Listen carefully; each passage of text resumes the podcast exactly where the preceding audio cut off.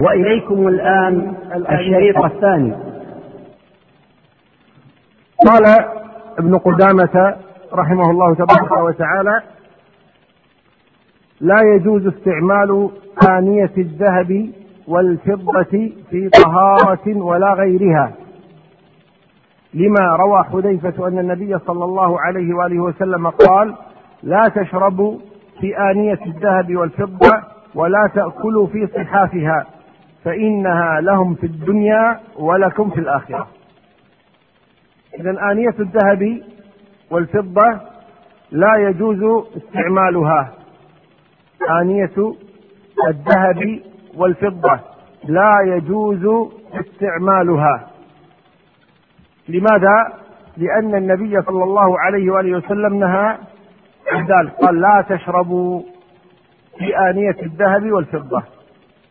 لا تشربوا في آنية الذهب والفضة ولا تأكلوا في صحافها. الصحاف هي الصحون كبيرة طيب تشربوا بها ولا نأكل بها سواء كانت صحافا أي صحونا كبيرة أو كانت ملاعقة أو كانت شوكا أو كانت سكاكين أو كانت كؤوسا أي شيء. إذا كانت من ذهب أو فضة فإنه لا يجوز استعمالها في طعام ولا شراب. طيب هل يجوز اقتناؤها؟ نعم يجوز. اقتناؤها جائز. لكن المحرم هو استعمالها. المحرم هو استعمالها، أما إذا كان الإنسان يقتنيها ليضعها للزينة أو غير ذلك فإن أو آه، يكنزها يكنز الدعوة ويخرج زكاتها ما في بأس لكن المحرم هو إيش؟ استعمالها. المحرم هو استعمالها. استعمالها في الأكل أو استعمالها في الشرب. طيب. قال وحكم المضبب بهما حكمهما. كذلك لو كان الإناء أو الكأس مضببا بذهب أو فضة. مضبب أي يكون فيه كسر وهذا الكسر يلحم بقطعة من ذهب أو قطعة من فضة. هذا تضليب هذا تضليب. وكذا يدخل فيه المطلي بالذهب أو الفضة. وهنا استثنى المؤلف فقال إلا أن تكون ضبة يسيرة من فضة. إلا أن تكون ضبة يسيرة من فضة. فنفهم من كلامه أنها إذا كانت ضبة كبيرة فإنها لا تجوز. وأنها إذا كانت ضبة يسيرة من ذهب فإنها لا تجوز. وأنها إذا كانت في الإناء أو الكأس ولم تكن ضبة فإنها لا تجوز. إذا الأصل أن كل إناء من ذهب أو فضة أو فيه ذهب أو فيه فضة فإنه لا يجوز. واستثني من ذلك ما جمع ثلاثة شروط. ضبة يسيرة من فضة. ضبة يسيرة من فضة. وقلنا الضبة ما هي؟ هي شيء يسير يغلق فيه كسر في هذا الإناء. يعني بدأ أن يلقى هذا الإناء فيلحم أو توضع آه، قطعة صغيرة من الفضة لتذهب السلم الذي فيه أو الكسر فتوضع مكانه فضة. فهذا جائز هذا جائز. بشرط أن تكون يسيرة وبشرط أن تكون من فضة وليس من ذهب طيب لو وضعت عروة يعني نكتة من ذهب أو فضة نقول أما إذا كانت من ذهب فإنه إيش؟ علج وأما إذا كانت من فضة قالوا كذلك لا تجوز لأنها ليست لها حاجة كالضبة والضبة تكون إيش؟ ها؟ في أصل الكأس. لا تكون مما يعلق به الكاس أو يمسك به الكأس. ولذلك وضع أهل العلم شرطا رابعا. وضع أهل العلم شرطا رابعا. وضعوا ماذا؟ ما يشرط شروط الثلاثة وتكون ضبة يسيرة من فضة. هذه الشروط الثلاثة ضبة يسيرة من فضة. وضعوا شرطا رابعا وهو أن تكون لحاجة. أن تكون ليست تجملا ولا زينة ولا سلسلة ولا لا لا أن تكون لحاجة.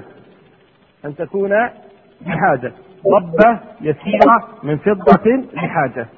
فإذا اجتمعت هذه الشروط الأربعة قالوا لا بأس. قالوا هنا لا بأس. أما دون ذلك فلا. بعموم نهي النبي صلى الله عليه وسلم عن الأكل والشرب بآنية الذهب والفضة. نعم وجاء في الحديث الآخر الذي يأكل في صحاف الذهب والفضة إنما يجرجر في بطنه نارا والعياذ بالله. فلذلك يبتعد الإنسان عن الأكل بآنية الذهب والفضة أو الشرب بها سواء كانت كما قلنا من الصحون أو الملاعق أو السكاكين أو الشوك أو الكؤوس أو غير ذلك قال ويجوز استعمال سائر الآنية الطاهرة واتخاذها. طيب غير الذهب والفضة؟ قال يجوز. طيب قد تكون من زمرد أو من فيروز أو من آه, آه، زمرد فيروز عقيق سبرجد لؤلؤ غيرها من إيش؟ الأشياء الأحجار الكريمة تكون مذهبه بها مطعمة بها طيب؟ تكون سلسلة فيها كل هذا لا شيء فيه. وإن كان تركها أفضل لكن لم ينهى عنها وإنما نهي عن الذهب والفضة بالذات. المنهي عنه الذهب والفضة بالذات. أما غير الذهب والفضة فالأصل الجواز الأصل الجواز وذلك أن الذهب والفضة كما أنها جمعت بين كسر قلوب الفقراء وأنها فيها النهي خاص يعني جاء النص فيها. الأمر الثالث قالوا يعني لا ينتبه الفقراء يعني قد لا يعرف الفقراء يعني هذه الأشياء وإنما يعرفون الذهب والفضة لانتشارهما واشتهارهما. ينكسر قلبه عند رؤية ذلك. أما غير الذهب والفضة لا ينتبه لها فلا ينكسر قلبه لأجلها وإنما يظنها أشياء عادية لا يظن أنها يعني بذلك السعر كالألماس والزبرجد وغيره وإنما يعرف الذهب والفضة. نعم. قال واستعمال أواني أهل الكتاب وثيابهم ما لم تعلم نجاستها. طبعا نحن الآن إذا قلنا يجوز في الأحجار الكريمة وغيرها غير الذهب والفضة من باب أولى النحاس والصفر والألمنيوم والحديد كل هذا جائز لا شيء فيه. قال واستعمال أواني أهل الكتاب وثيابهم ما لم تعلم نجاستها. كذلك جائز. الأصل أن آنية أهل الكتاب يجوز استعمالها صحونهم أباريقهم كؤوسهم يجوز استعمالها. لا بأس بذلك. لما؟ قالوا لأن النبي صلى الله عليه وسلم توضأ من مزادة مشركة. المزادة التي يوضع فيها الماء. توضأ بها صلوات الله وسلامه عليه. وقدم له أهل الكتاب طعاما كما في الشاة المسمومة التي قدمتها اليهودية للنبي صلى الله عليه وسلم فأكل منها. الصحيح أنه يجوز استعمال آنيتهم. ويجوز الأكل والشرب بها. وقد جاء في حديث أبي ثعلبة الخشني أنه سأل النبي صلى الله عليه وآله وسلم عن آنية أهل الكتاب وذلك أنهم في بلاد كفار ولا يجدون غير آنيتهم لأن الإشكال في آنيتهم أنهم يشربون بها الخمر ويطبخون بها الخنزير والميتات. وغير ذلك فقالوا يا رسول نحن في أرض أهل الكتاب ولا نجد إلا آنيتهم فهل نستعملها أو لا فقال صلوات الله وسلامه إن لم تجدوا غيرها إذا إذا وجدت غيرها فإنها إيش؟ لا تستعمل لماذا لا تستعمل؟ خشية أن تكون هذه الآنية إيش؟ شرب فيها الخمر ولم تغسل أكل طبخ فيها الخنزير ولم تغسل والميتات ولم تغسل والحمير وغير ذلك من الأشياء التي يتهاونون في أكلها أو شربها. وذلك لأنهم أصلا لا يستحرمون ذلك فلا يهتمون بغسلها بعد ذلك. فقال النبي صلى الله عليه وسلم إن لم تجدوا غيرها إن لم تجدوا غيرها. إذا متى تستخدم آنية أهل الكتاب؟ إن لم توجد غيرها إن لم توجد غيرها. قال إن لم تجدوا غيرها فاغسلوها. إن حتى إذا لم يجد غيرها فإنه يبدأ بماذا؟ يبدأ بغسلها. ثم بعد ذلك تستعمل هذه الآنية.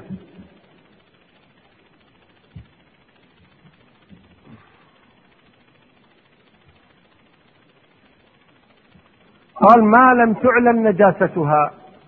إذا غسلها غسلها واستعمال غيرها هذا ما لم تعلم نجاستها. فإذا علمت نجاستها فمن أولى؟ أنها يجب أن تغسل هنا. يجب أن تغسل هنا إذا علمت نجاستها.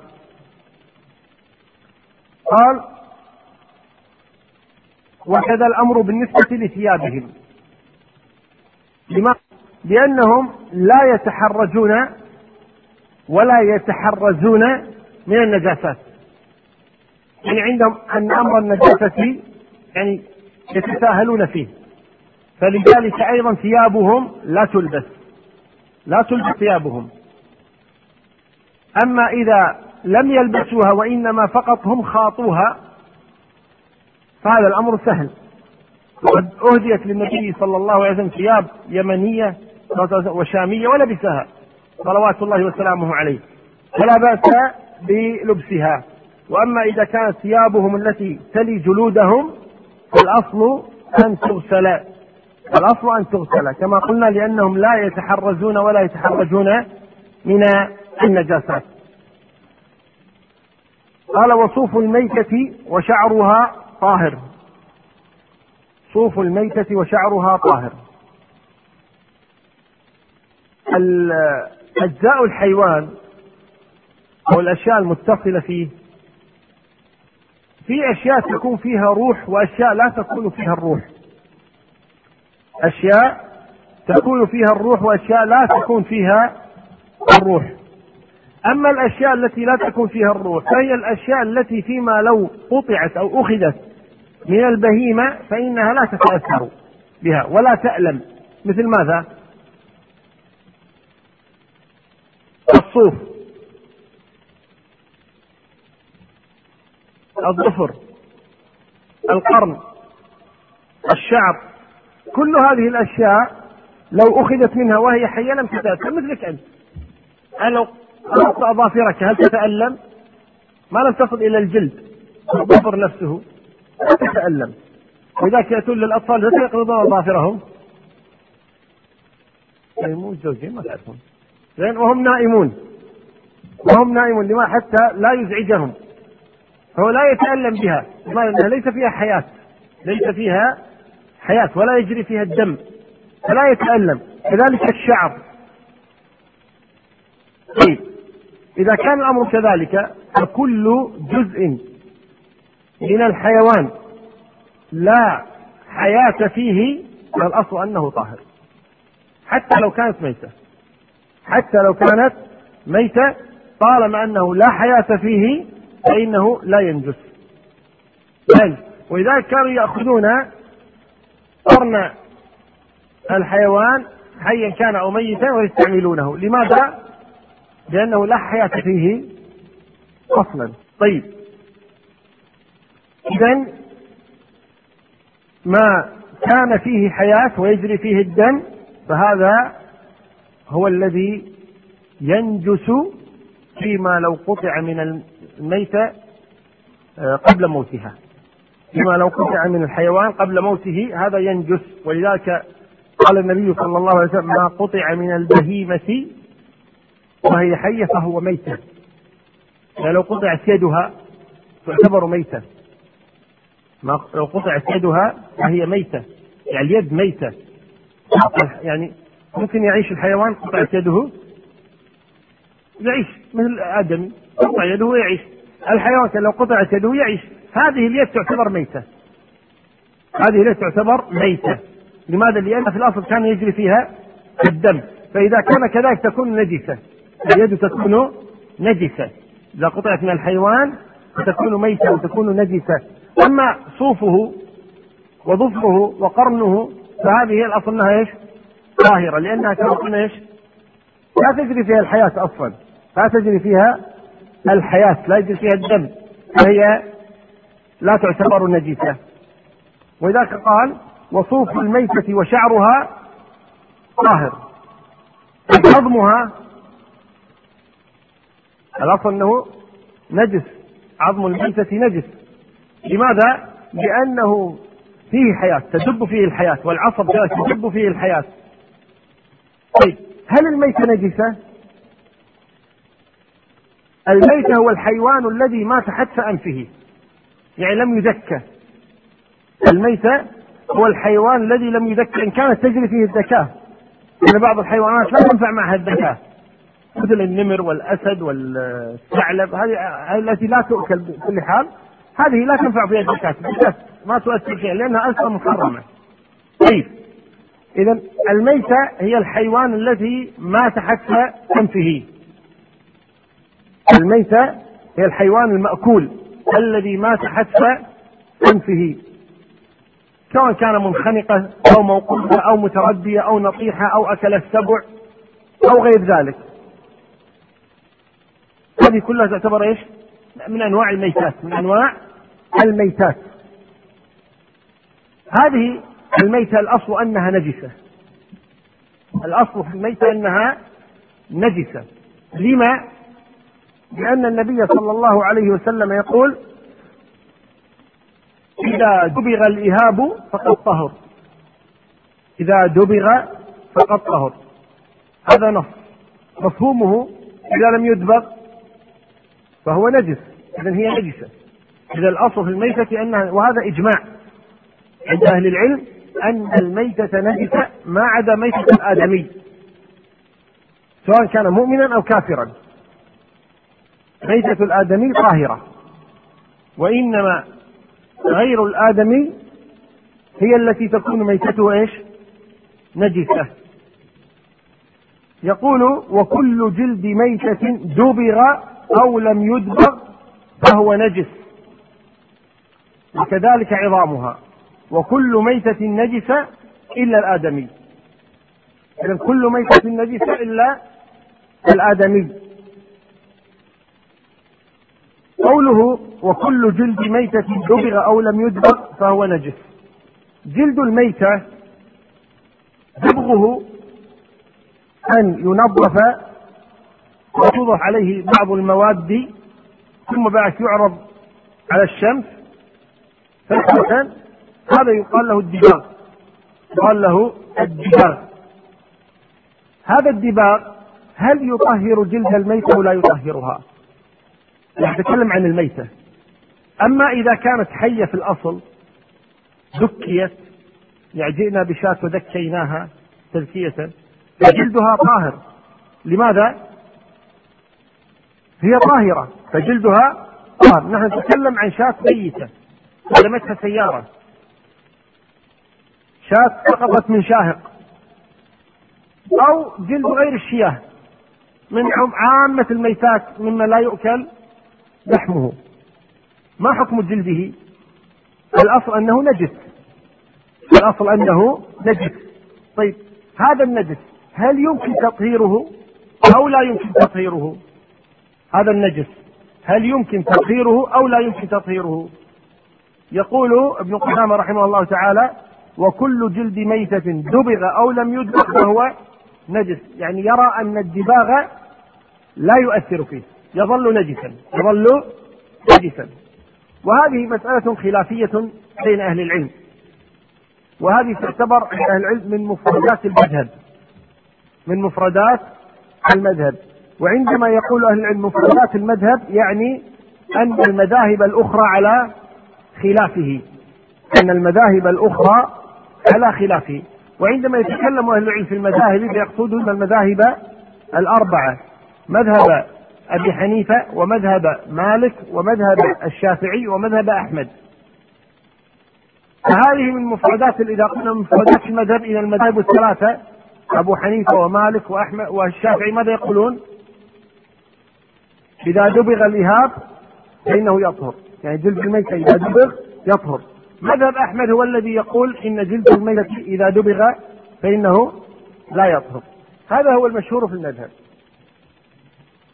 ودليلهم في هذا حديث عبد الله بن حكيم أو عبد الله بن عكيم.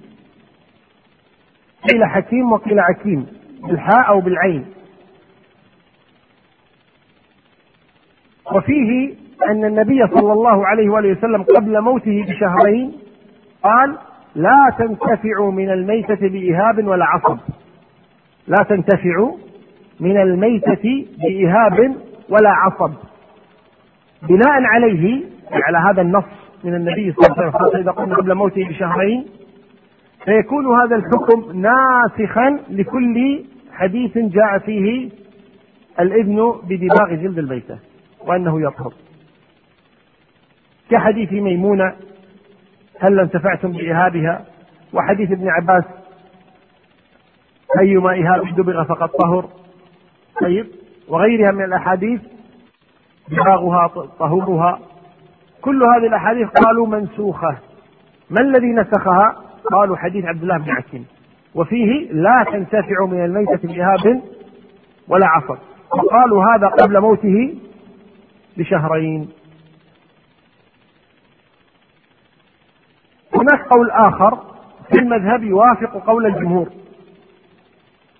وهو أن جلد الميتة إذا دبغ فإنه يطهر. إذا يكون في المذهب كم قول الآن؟ قولان. قول يوافق المذاهب الأخرى. ويقول إن جلد الميتة إذا دبغ فإنه إيش؟ يطهر.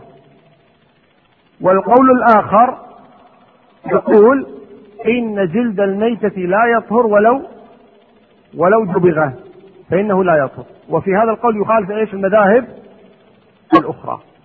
المشهور في مذهب أحمد هو الأول اللي هو المخالفة أنه لا يطهر الذي اختاره ابن قدامة.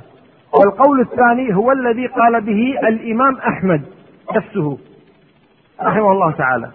وذلك أن الإمام أحمد رحمه الله تعالى قبل موته ترك القول بحديث عبد الله بن عكيم ترك القول به. وأخذ برأي الأكثرية وهو أن جلد الميتة يجبر يطهر بالدباغ.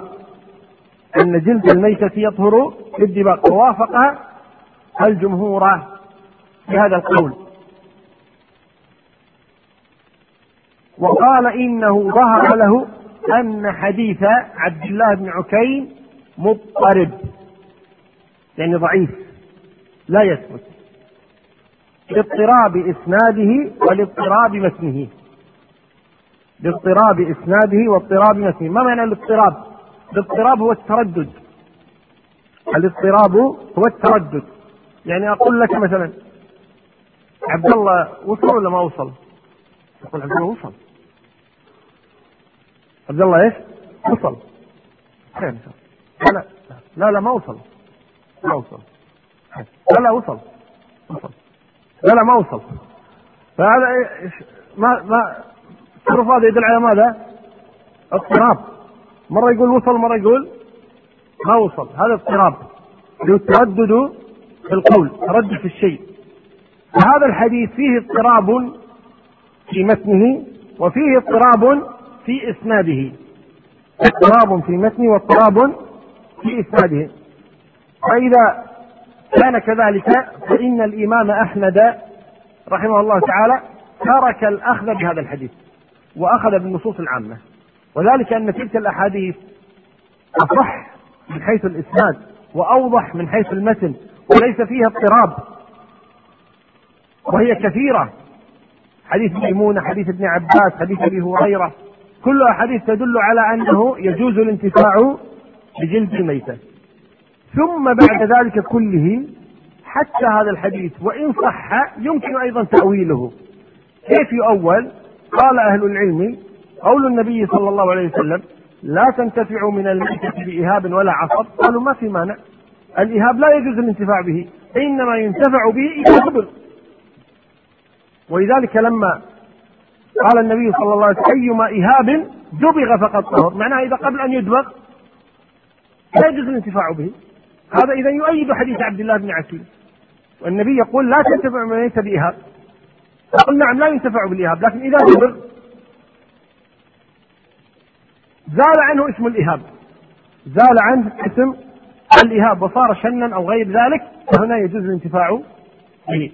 إذا يحمل أيضا هذا الحديث على أنه لا ينتفع به قبل الدباغ وينتفع به بعد الدباغ. وهذا هنا تجتمع معه الأقوال فيكون القول الصحيح إن شاء الله في هذه المسألة أن جلد الميتة يطهر بالدباغ أن جلد الميتة يطهر بالدباغ ولكن كما قلنا حتى لا تنسوا فقط أن المشهور في مذهب أحمد رحمه الله تعالى أنه ها؟ أنه لا يطهر بالدباغ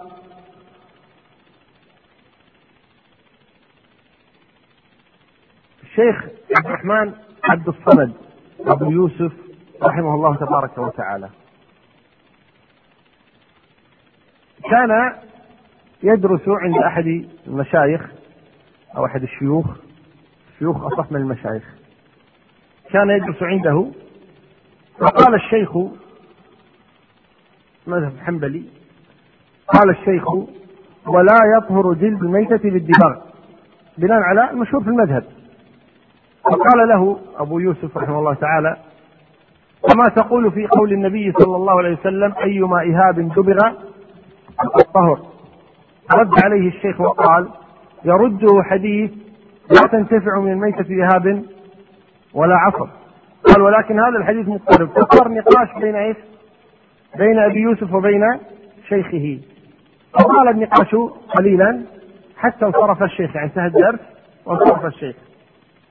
وكان لأبي يوسف رحمه الله تعالى يعني صديق يجلس بجانبه صديق فلما ذهب الشيخ قال هذا الضرير لأبي يوسف أنت وراك نشبة يعني لماذا أنت مزعج؟ يعني لأنه ناقش الشيخ وشد معه في نقاش هذه المسألة. قال لماذا؟ قال خلاص قال ما يطهر ما يطهر. أنت مزعج يطهر دليل مدري إيش كذا. تناقش كثيرا يقول له. خلاص الشيخ قال ما يطهر يعني إيش؟ ما يطهر انتهى الأمر. وقال له أبو يوسف رحمه الله تعالى يا شيخ محمد بن عبد الله بن عبد المطلب الهاشمي القرشي رسول الله يقول يطهر وأحمد بن محمد بن حنبل الشيباني العراقي يقول لا يطهر أنا أخذ بقوله هذا صدم هو عراقي؟ هو بال أن الإمام أحمد الحين من برده أنا الآن مذهب الحنبلي الان في المملكة هو المنتشر فما تصور ابدا أن الإمام أحمد ممكن يكون إيش؟ كل هالمده طلع عراقي. الإمام أحمد. صدم يقول هو عراقي؟ يعني عراقي. فالشاهد هنا أن الإنسان يوطن نفسه. أنه إذا خالف بعض أهل العلم قول النبي صلى الله عليه وسلم يقدم قول النبي صلوات الله وسلامه لكن أيضا يعتذر لهؤلاء العلماء. وإذا قال أهل العلم هؤلاء العلماء يعتذر لهم ولا يعتذر بهم. يعني لا ترد السنة بحجة أنه خالفها بعض أهل العلم سواء ما بلغته أو ما فهمها أو له أسباب أخرى. طيب ظن أنها منسوخة أو غير ذلك. لا يرد السنة بأقوالهم لكن أيضا لا يتهمهم في دينهم وأنهم رفضوا السنة وأنهم لا يقبلونها وأنهم آه، يعارضونها أبدا. وإذا قلنا يعتذر لهم ولا يعتذر بهم. رحمهم الله تبارك وتعالى. قال وكل ميتة نجسة إلا الآدمي وحيوان الماء الذي لا يعيش إلا فيه. لقول النبي صلى الله عليه وسلم في البحر والطهور ماؤه الحل ميتته وما لا يبقى له سائل إذا لم يكن متولدا من النجاسات. إذا الأصل أن كل ميتة نجسة. الأصل أن كل ميتة نجسة. ماذا قلنا الميتة هي؟ ما مات حتف أنفه مما يزكى أو كان مما لا يؤكل. لحمه فهذا أيضا يكون نجسا. طيب. استثنى كما ترون ثلاث ميتات. استثنى ثلاث ميتات. ميتة الآدمي. أنها ليست نجيسة. وميتة البحر. ولكن بشرط أن يكون هذا الحيوان لا يعيش له. أما لو وجدنا نعجة ماتت في البحر غرقا هذه ميتة. إنما المقصود إيش؟ مما يعيش في البحر. لا يعيش إلا في البحر. اللي هو السمك. حيوان البحر الذي يعيش في البحر. هذه حيوانات البحر الذي التي تعيش فيه هذه إذا ماتت في البحر فإنها طاهرة. فإنها طاهرة. ولذلك لما سئل ابن عباس وغيره عن ميتة البحر السمك الطافي. الذي يموت في البحر ثم يطفو. قال كلوه يعني لا شيء فيه. لماذا؟ لأن هذه ميتة في البحر وحيوان البحر ما يزكى يؤكل ولا يزكى ولا يكون السمك يكون إذا تكون السمك؟ ما يزكى ويؤكل. لأن حيوان البحر أصلا لا يزكى فإذا ميتة الآدمي لا تنجس. وميتة البحر أيضا لا تنجس. ثم الثالث وهو ما لا نفس له سائلة. والنفس يقصدون بها الدم. يعني ليس هو دم سائل. ليس يسمونها ذوات الدم الجامد. ذوات الدم الجامد. وهي الحشرات التي لا دم لها لو ضربت الحشرة الآن يخرج دم ولكن دم إيش؟ جامد ما يسيل. دمها لا يسيل. هذه يسمونها لا نفس لها سائلة. يعني دمها لا يسيل. دم جامد تسمى ذوات الدم الجامد. هذه كذلك طاهرة بدليل حديث الذبابة. لما أمر النبي صلى الله عليه وسلم بغمس الذبابة وملقه إذا وقع نصفه في الماء أن يغمس جميعه. ولو كانت نجسة لأنها تموت لو كانت نجسة ما أمر بغمسها ثم استعمال هذا الماء. القصد إذا أن ذوات الدم الجامد كذلك الأصل فيها أنها طاهرة حتى لو ماتت. هذه طاهرة حتى لو ماتت. إذا كل ميتة نجسة توافقون الذي يوافق يرفع يده. كل ميتة نجسة. الذي يوافق يرفع يده فوق. لما قال يقف يرفع يده فوق. هكذا. كل ميتة نجسة بدون استثناء. واحد اثنان ثلاثة. طيب. الذي يخالف يرفع يده. انزل أيديكم. الذي يقول كل ميتة نجسة بدون استثناء يرفع يده. اثنين هونوا. بس بقى واحد مصر. طيب انزل يدك نبي أكثر. الذي يقول كل ميتة نجسة ويستثنى منها بعض يرفع يديه. يرفع يد... الذي يقول كل ميتة نجسة ويستثنى منها. يرفع يديه. خلع بس يمكن يهون. طيب الذي يقول كل ميتة نجسة بلا استثناء يرفع يده. الذي يقول كل ميتة نجسة بدون استثناء يرفع يده. هو أنت؟ طيب. إذا هناك استثناءات. هناك استثناءات. طيب. ما الذي يستثنى من الميتات ولا تكون نجسة ما الذي يستثنى من الميتات نعم هناك آخر واحد على الكرسي ميتة الآدمي. إذا ميتة الآدمي ليست نجسة. ميتة الآدمي ليست نجسة. بعد نعم. ميتة البحر. ميتة البحر بشرط إيش؟ ممن يعيش في البحر أو لا يعيش إلا في البحر. هذا إيش أيضا إيش؟ ميتته طاهرة. ثالث نعم. لأن الإجابة كلها حق أهل الكراسي الآن. ها؟ نعم ما كان من ذوات الدم الجامد. ليس له نفس سائلة يقولون. هذه كذلك ميتتها طاهرة. من يعيد الثلاثة كلها. نص. ليس في البحر ما لا يعيش إلا في البحر. طيب. وميتة الآدمي وما لا نفس له سائلة. هذه إذا الأصل فيها أنها طاهرة. قال إذا لم يكن متولدا من النجاسات. يعني إذا كان متولدا من النجاسات فهذا استثنى إذا كان متولدا من إذا كان عين نجسة أو متولد من نجاسات طيب فإن هذه تكون نجسة. طيب. أبو قضاء الحاجة. يعني آداب قضاء الحاجة. آداب قضاء الحاجة. قال من؟ قال؟ ابن قدامة رحمه الله تعالى. قال ابن قدامة رحمه الله تعالى يستحب لمن أراد دخول الخلاء أن يقول بسم الله أعوذ بالله من الخبث والخبائث ومن الرجس النجس الشيطان الرجيم. وإذا خرج قال غفرانك الحمد لله الذي أذهب عني الأذى وعافاني.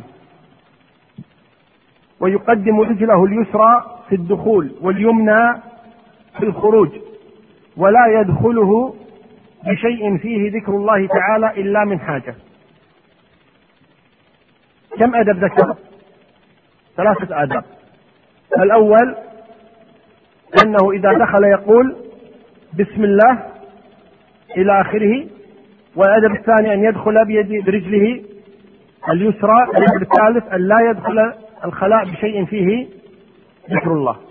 هذه ثلاثة آداب أما الأول أما الأول وهو أنه إذا دخل قال بسم الله اللهم إني أعوذ بك من الخبث والخبائث. هذا في الصحيحين حديث النبي صلى الله عليه وآله وسلم. وأما الزيادة التي فيها رجس النجس الشيطان الرجيم فإنها لا تثبت. وإنما يكتفي بقوله بسم الله اللهم إني أعوذ بك من الخبث والخبائث وقالوا الخبث هم ذكور الجن والخبائث نساء الجن أو إناث الجن. ثم تقديم اليد اليسرى إنما أخذ هذا بالقياس. القياس كيف؟ قالوا لما كان المسجد أطهر مكان.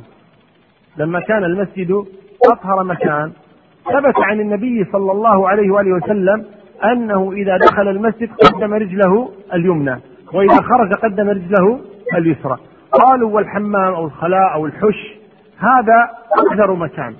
فإذا كان الأمر كذلك فيعامل بنقيض أطهر مكان. فكيف نصنع؟ قال تقدم رجلك اليسرى في الدخول وتقدم رجلك اليمنى في الخروج بعكس المسجد. واضح ولا لا؟ نعم. إذا لم يأتي دليل نص في هذه المسألة وإنما أخذ أهل العلم ذلك بالقياس قياسا على المسجد. فالمسجد أطهر مكان تدخل باليمنى وتخرج باليسرى. قالوا في الحش أو الحمام أو الخلاء أخبث مكان أو أقدر مكان لذلك تقدم رجلك اليسرى في الدخول وتخرج برجلك اليمنى. وأما الثالث وهو ما هو الثالث؟ لا يدخل في الخلاء بشيء فيه ذكر الله. وذلك تعظيما لأسماء الله تبارك وتعالى. ولا يذكر الله في الخلاء ولا يكون هذا إلا إذا احتاج إلى ذلك. كان تكون معه أوراق أو مصحف أو آه، كتب علم أو ما شابه ذلك ويخشى عليها أن تسرق أو آه، هناك هواء شديد مثلا يأخذها الهواء أو مطر آه، يبلها فإنها يدخلها معه للحاجة. فإذا كانت هناك حاجة فلا مانع. أما بدون حاجة فالأصل أنه إيش؟ يكرم اسم الله تبارك يكرم القرآن يكرم السنة يكرم كتب العلم فلا يدخل بها إلى هذه الأماكن. ما هي الآن الآداب التي ذكرناها؟ الثلاثة؟ نعم. إيه. لا اللي بجنبك.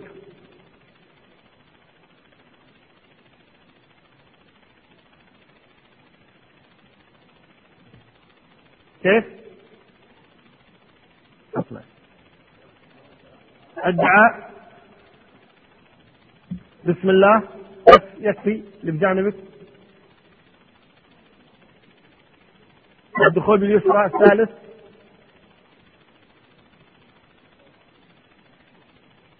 في شيء فيه ذكر الله تبارك وتعالى. نعم. لا يدخل بشيء فيه ذكر الله. هذا في الخروج. اي نعم. تعيد الصلاة كلها؟ لا. تعيد الصلاة أن يقول بسم الله وغفرانك؟ طيب.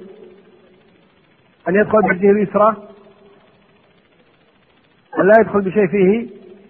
ذكر الله تبارك وتعالى. بشكل عام. المصحف منها طبعا. اي نعم نعم. إكرامه. نعم. طيب. قال ويعتمد في جلوسه على رجله اليسرى ويعتمد في جلوسه على رجله اليسرى. وإن كان في الفضاء أبعد واستتر ويرتاد لبوله موضعا أخوة. هذه ثلاثة أخرى. قال يعتمد في جلوسه أي لقضاء الحاجة على رجله اليسرى. جاء فيه حديث ولكنه ضعيف عند أبي داود حديث ضعيف أنه كان يعتمد على رجله اليسرى لا يثبت النبي صلى الله عليه وسلم فيه رجل مجهول. فالصحيح أنه له أن يعتمد على رجله اليسرى أو اليمنى أو لا يعتمد على